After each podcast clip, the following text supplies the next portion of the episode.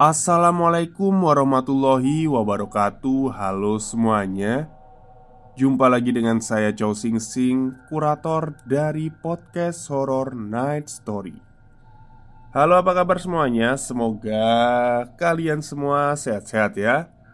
Dan seperti biasanya pada hari ini saya kembali Dan akan menghadirkan sebuah kisah mistis untuk kalian semua Kisah mistis kali ini saya datangkan lagi dari tweetnya Mas Bri Story Yang menceritakan tentang rumah dinas yang ada di Majalengka. Oke, daripada kita berlama-lama Mari kita simak ceritanya. Masa kuliah dulu ada satu teman dekat perempuan Namanya Dian Ya, bisa disebut pacar kali ya. Tahun 2007 Dian tinggal dan kuliah di Bandung juga. Kami beda kampus tapi satu angkatan. Ayah Dian kebetulan pejabat tinggi di suatu bank daerah. Keluarganya cukup kaya. Sebagai pejabat tinggi Ayah Dian selalu berpindah-pindah tempat kerjanya. Tentu saja Rumah dinasnya pun ikut pindah Nah, pada saat itu beliau baru saja mendapatkan tugas baru untuk memimpin salah satu kantor cabang dari bank itu, cabang kota Majalengka. Majalengka adalah kota kecil yang letaknya di bagian timur Jawa Barat, bukan kota yang dilalui oleh jalur utama lintas Jawa. Jadi, menurutku cukup sepi kotanya. Sebagai pacar yang sudah cukup lama kenal dengan keluarganya Dian Mau gak mau Aku harus ikut bantu pindahan rumah dari rumah yang lama Ke rumah dinas yang baru di Majalengka. Tapi emang pada dasarnya aku ini seneng jalan-jalan Apalagi keluar kota. Jadi ya seneng-seneng aja diminta bantuan pindahan. Aku inget banget Waktu itu hari Kamis Bertiga kami berangkat dari Bandung ke Majalengka menggunakan mobil pribadi. Kok bertiga? Ya, karena adik perempuan Dian ikut juga. Ira namanya. Kalau nggak salah waktu itu umurnya masih 19 tahun. Duduk di belakang kemudi, aku pun mengarahkan mobil ke Majalengka melalui jalur Sumedang Jatiwangi. Aku cukup suka jalur ini karena di beberapa wilayah masih ditemui pohon-pohon jati di kanan kiri jalan. Bisa dibilang hutan-hutan kecil. Itu dulu, entah kalau sekarang. Singkat cerita, sekitar jam 5 sore, kami sampai di Majalengka. Kota yang cukup bersih dan rapi. Yang menarik perhatian adalah lenggangnya kota. Masih sore tapi sudah sepi Gak mampir ke mana-mana. Kami langsung menuju alamat rumah. Gak memakan waktu lama, kami pun sampai di tujuan.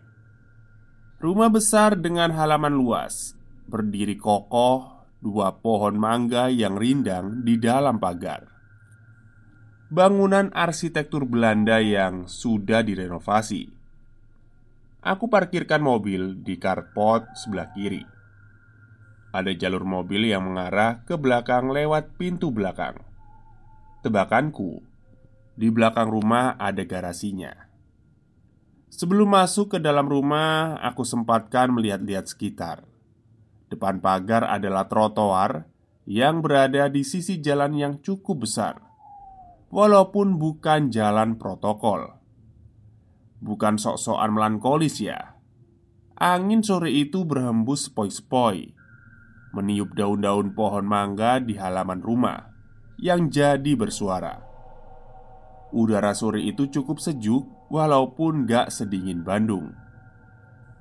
Aku coba susuri jalan kecil yang mengelilingi rumah melalui pintu samping.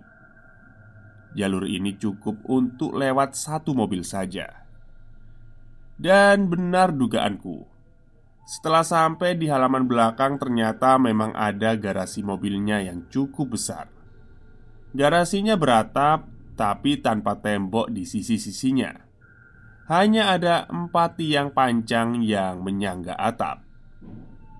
Tepat di tengah-tengah halaman belakang, kembali aku lihat ada pohon mangga yang besar dan rindang. Aku sedikit trauma kalau lihat pohon mangga, apalagi di rumah itu ada tiga pohon mangga. Lama aku menatap garasi mobil yang letaknya ada di belakang rumah itu. Kondisinya nggak terawat. Debu tebal menyelimuti lantainya. Terlihat kumuh dan kotor. Perasaanku gak enak melihat garasi ini.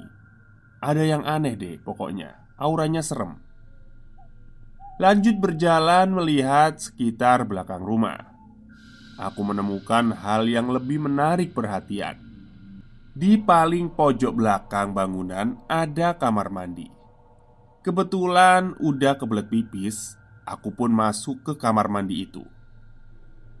Tapi kamar mandi ini terlihat jarang banget dipakai. Daun kering bertebaran di lantainya. Kamar mandi besar dengan desain model zaman dulu. Batu-batu alam yang menempel pada dinding. Bak mandinya besar dengan kloset jongkok. Sore itu sudah mulai gelap.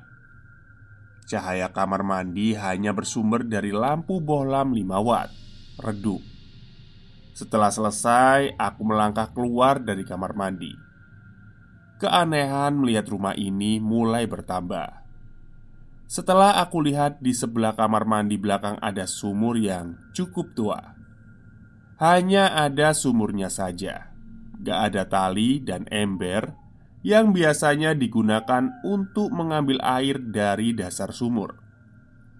Lumut juga terlihat menyelimuti tembok sekeliling lubang sumur. Lubang sumur ditutup oleh papan yang cukup tebal dan lebar. Karena penasaran, apakah masih ada air pada dasar sumur? Aku coba memindahkan papan penutup dengan sedikit menggesernya aku bisa melihat ke dalam sumur. Nyamuk dan binatang kecil lainnya langsung berhamburan keluar. Cukup lama aku melihat ke dalam sumur. Hari sudah agak gelap menjelang malam. Aku jadi susah untuk melihat ke dasar sumur. Ketika sedang konsentrasi melihat ke dasar sumur, tiba-tiba ada angin yang berhembus kencang dari dalam sumur menerpa wajahku. Aku kaget, refleks langsung mundur menjauh dari sumur. Apaan barusan? Masa iya ada angin keluar dari dalam sumur? Kataku dalam hati. Setelah cukup agak tenang, Aku langsung kembali mendekat ke sumur dan menutup lubangnya dengan papan seperti semula. Aku langsung masuk ke dalam rumah lewat pintu belakang. "Kenapa mukanya begitu? Kayak baru lihat setan aja." Tanya Dian melihatku yang masih agak terbengong-bengong. "Ah, enggak kok, enggak ada apa-apa," jawabku. Aku langsung basa-basi dengan orang tua Dian. Oke, takut ke bawah suasana, nanti malah terjadi hal yang aneh. Oh ya, barang-barang dan perabotan milik orang tua Dian sudah sampai sehari sebelumnya. Sudah diletakkan di tempatnya masing-masing. Kami tinggal merapikan saja. Setelah berada di dalam, barulah terlihat kalau rumah itu rumah yang besar. Arsitektur zaman dulu, langit-langit yang tinggi, tembok tebal, kira-kira ya rumahnya seperti rumah zaman dulu banget. Di dalam ada dua toilet, satu di kamar utama, kamar orang tua, satu lagi di sebelah dapur, dan ada satu toilet lagi di belakang rumah yang pernah aku pakai. Tapi nanti pada tengah malam aku terpaksa harus ke tempat itu. Setelah marib, kami pun kumpul di ruang tengah berbincang dan lanjut makan malam. Dari awal, aku memang merencanakan untuk menginap dan pulang ke Bandung esok paginya. Aku diberi kamar yang paling depan, kamar nomor satu. Orang tua Dian tidur di kamar utama, Dian dan Ira di kamar yang kedua. Tapi sebenarnya ya selepas marib Aku tuh sempat berubah pikiran. Aku mau pulang ke Bandung saja malam itu. Karena perasaanku udah gak enak Sejak kejadian di sumur tadi. Tapi orang tua Dian gak ngasih aku pulang. Ya udah deh, nurut aja. Aku pikir cuma semalam ini Dan semoga gak terjadi apa-apa ya. Ternyata gak seperti itu. Ada yang aneh dengan rumah ini. Akhirnya malam menjelang Sekitar jam 10 kami masuk ke kamar masing-masing. Semoga teman-teman masih ingat ya tentang kebiasaanku kalau tidur. Kalau tidur harus ada TV dan dalam keadaan menyala. Aku nggak akan bisa tidur kalau TV-nya mati. Tapi sialnya di kamar itu hanya ada tempat tidur dan meja, gak ada TV. Wah, sepertinya malam ini akan panjang. Gumamku dalam hati. Akhirnya, jam-jam awal di kamar aku habiskan dengan bengong. Kenapa nggak mainan HP aja, Bri? Ya, tahun-tahun itu jaringan internet di HP masih susah. Jangankan 4G dan 3G Dapat sinyal seluler aja udah bagus. Aku bener-bener gak bisa tidur waktu itu. Guning salah, guling sini Ya gak jelas lah. Tetap aja ngantuk gak datang. Gak terasa jam sudah menunjukkan pukul 12 tengah malam. Dan Aku belum bisa tidur. Gelisah Pokoknya perasaanku gak enak aja Kamarku letaknya paling dekat dengan jalan raya di depan rumah. Tapi malam itu, jalanan terdengar sangat sepi. Hanya sesekali motor yang melintas. Dan 99% perasaanku ini nggak pernah salah. Ada yang aneh dengan rumah ini.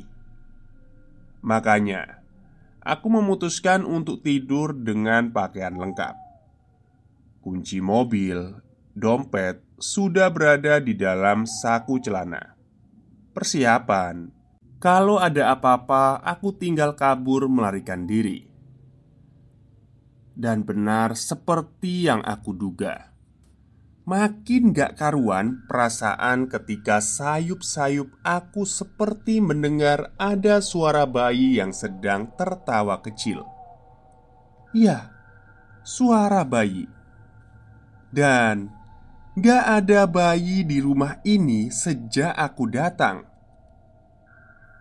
Suara terdengar dari arah ruang tamu yang letaknya persis di depan kamar. Aku langsung duduk di pinggir tempat tidur, mencoba untuk menajamkan pendengaran. Apa itu benar suara bayi? Dan ternyata itu benar suara tawa bayi Suaranya semakin lama semakin jelas. Aku gak berani untuk membuka pintu Untuk memastikan. Aku memilih untuk diam saja di dalam kamar Dan mencoba tidak menghiraukannya. Akan tapi Tetap saja Aku ketakutan. Di titik ini teror baru saja dimulai. Tapi Lama-kelamaan, suara tawa bayi itu menghilang. Agak sedikit lega, tapi aku tetap saja nggak bisa tidur. Dan sesuatu yang paling gak diharapkan terjadi juga. Aku kebelet pipis. Gak akan bisa kalau harus menahan pipis sampai pagi. Akhirnya, aku memutuskan untuk nekat keluar kamar dan ke toilet. Aku buka pintu kamar pelan-pelan karena masih was-was dengan suara bayi yang berasal dari ruang tamu tadi. Dan alhamdulillah ternyata nggak ada apa-apa. Ruang tamu dalam keadaan gelap gulita. Aku pun lanjut berjalan ke arah toilet. Aku pilih toilet yang berada di bagian belakang rumah, yang bersebelahan dengan dapur. Sesampainya di depan pintu toilet, aku coba membukanya, tapi ternyata nggak bisa seperti terkunci dari dalam. Ah, mungkin ada orang di dalamnya, pikirku dalam hati. Tanggung kan? Dan aku udah bener-bener gak tahan. Aku akhirnya berniat untuk pipis di toilet yang ada di halaman belakang yang letaknya di sebelah sumur. Ya, kamar mandi yang berada di dekat sumur tua dan garasi gak terawat di halaman belakang rumah itu. Aku takut banget sebenarnya. Ketika pintu belakang terbuka, pandanganku langsung tertuju ke arah garasi kosong yang ada di belakang. Pada detik itu, aku nggak melihat apa-apa, tapi indraku yang lain bilang kalau di situ rame orang. Aku berjalan di selasar belakang, melewati kamar pembantu yang masih kosong dan gelap. Pada saat melewati sumur, aku lihat ada yang aneh dengan sumur itu. Papan penutup liang sumur sudah berada di samping, gak lagi menutup lubangnya. Padahal sore tadi aku tinggalkan dalam keadaan tertutup. Ah, bodoh amat lah. Aku lanjut jalan masuk ke toilet aja dulu. Udah gak tahan soalnya. Setelah pipis, setelah bengong sebentar, aku langsung keluar toilet. Ketika pintu toilet terbuka, pandanganku langsung menghadap ke garasi kosong dan gelap itu. Ya, pandanganku langsung menghadap ke tempat itu, dan ternyata ada sesuatu. Pandanganku menangkap suatu objek di gelapnya malam itu terlihat ada sesuatu yang berwujud putih berdiri di dalam garasi. Jantungku seakan berhenti saat itu karena ternyata yang aku lihat adalah pocong. Pocong tinggi dan besar. Tingginya sekitar 185 cm. Pocong itu berdiri tegak di tengah-tengah garasi Gak jelas menghadap ke mana Karena aku gak berani melihat ke arah kepalanya Berdiri diam Hanya sesekali ada gerakan pelan dari badannya. Lemas badanku. Tulang-tulang terasa lepas dari engselnya. Aku paksa berdiri Untuk berjalan menuju ke pintu belakang. Aku seret kaki ke arah pintu. Aku gak berani lagi melirik ke arah garasi tempat pocong itu berdiri Setelah masuk ke dalam rumah Langsung aku kunci pintu Dan berjalan cepat ke arah kamar. Sesampainya di dalam kamar Aku langsung atur nafas. Ingin rasanya pergi keluar dari rumah itu Lari ke tempat ramai Karena aku udah gak tahan. Dan ya Bisa ditebak. Setelahnya aku tetap gak bisa memejamkan mata Karena sebenarnya teror belum selesai Jarum jam sudah hampir ada di pukul 2 Ketika sekali lagi Sayup-sayup aku mendengar tawa bayi dari ruang tamu. Kali ini suaranya semakin lama semakin jelas. Allah Aku benar-benar tersiksa malam itu. Mau lari dan masuk ke kamarnya Dian Tapi kan gak mungkin Masuk ke kamarnya orang tuanya Dian Malah gak mungkin. Kebayang kan? Penasaran aku pun berjalan menuju pintu kamar. Memberanikan diri untuk mengintip Apa yang sebenarnya ada di ruang tamu. Pintu aku buka sedikit demi sedikit Sampai mata bisa melihat ke arah ruang tamu. Setelah mataku Udah cukup jelas melihat gelapnya ruang tamu Ternyata Di situ ada Ada seorang wanita Di sofa ruang tamu Berambut panjang sedang duduk dengan bayi kecil di pangkuannya. Wanita ini berpakaian daster panjang berwarna gelap. Sekali lagi, jantung seperti berhenti berdetak. Lemas badanku. Beberapa detik wajah kami saling bertatapan. Aku langsung menutup pintu dan duduk di pinggir tempat tidur. Gemetar badanku. Bulu kuduku berdiri semua. Pikiranku semrawut, memikirkan apa yang harus aku lakukan. Sementara tawa perempuan dan bayinya terus-terusan terdengar. Beberapa saat kemudian, aku mendengar ada suara langkah kaki dari balik pintu terdengar langkah yang sepertinya datang dari bagian belakang rumah menuju ke ruang tamu, tempat perempuan memangku bayinya. Jadi ramai sekali kedengarannya. Beberapa kali juga tawa bayi berganti tangisan dan suara perempuan yang coba menenangkan sang bayi. Aku diambang pingsan, dan aku berharap pingsan beneran.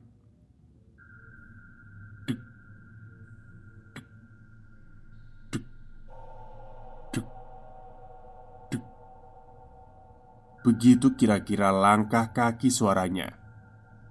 Kadang terdengar tergesa-gesa, kadang terdengar santai. Doaku cuma satu: semoga mereka tetap beraktivitas di luar saja. Semoga mereka nggak coba masuk ke dalam kamar ini. Sementara aku di dalam kamar satan dengan keringat dingin bercucuran, dan tiba-tiba aku melihat gagang pintu kamarku bergerak-gerak, seperti ada yang mencoba membuka pintu. Aku semakin panik dong, karena jarak pintu dan tempatku duduk hanya berjarak sekitar semeter saja. Maksudnya, beberapa meter mungkin ya. Sial, aku lupa untuk mengunci pintu sedari awal. Pintu terbuka pelan-pelan Perasaanku semakin gak karuan Ya Allah Ketika pintu terbuka agak lebar Menyembul kepala perempuan berambut panjang dari balik pintu. Dengan wajah yang tersenyum kecil Memandangku Ingatanku sampai pada detik itu saja. Selebihnya aku nggak ingat apa-apa lagi. Ternyata aku sudah nggak sadarkan diri. Aku pingsan. Aku baru sadar setelah Dian membangunkanku untuk sholat subuh. Aku nggak menceritakan kejadian yang aku alami malam itu kepada Dian dan keluarganya.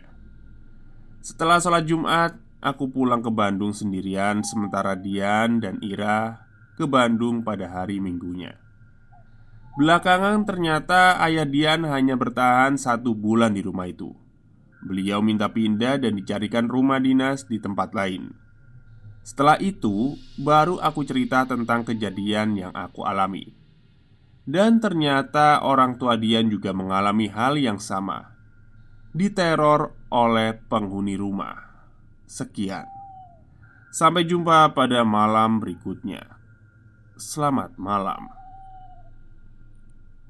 Oke, itulah cerita yang lumayan panjang dari Mas Pri Story tentang rumah dinas ayah pacarnya ya yang ada di Majalengka.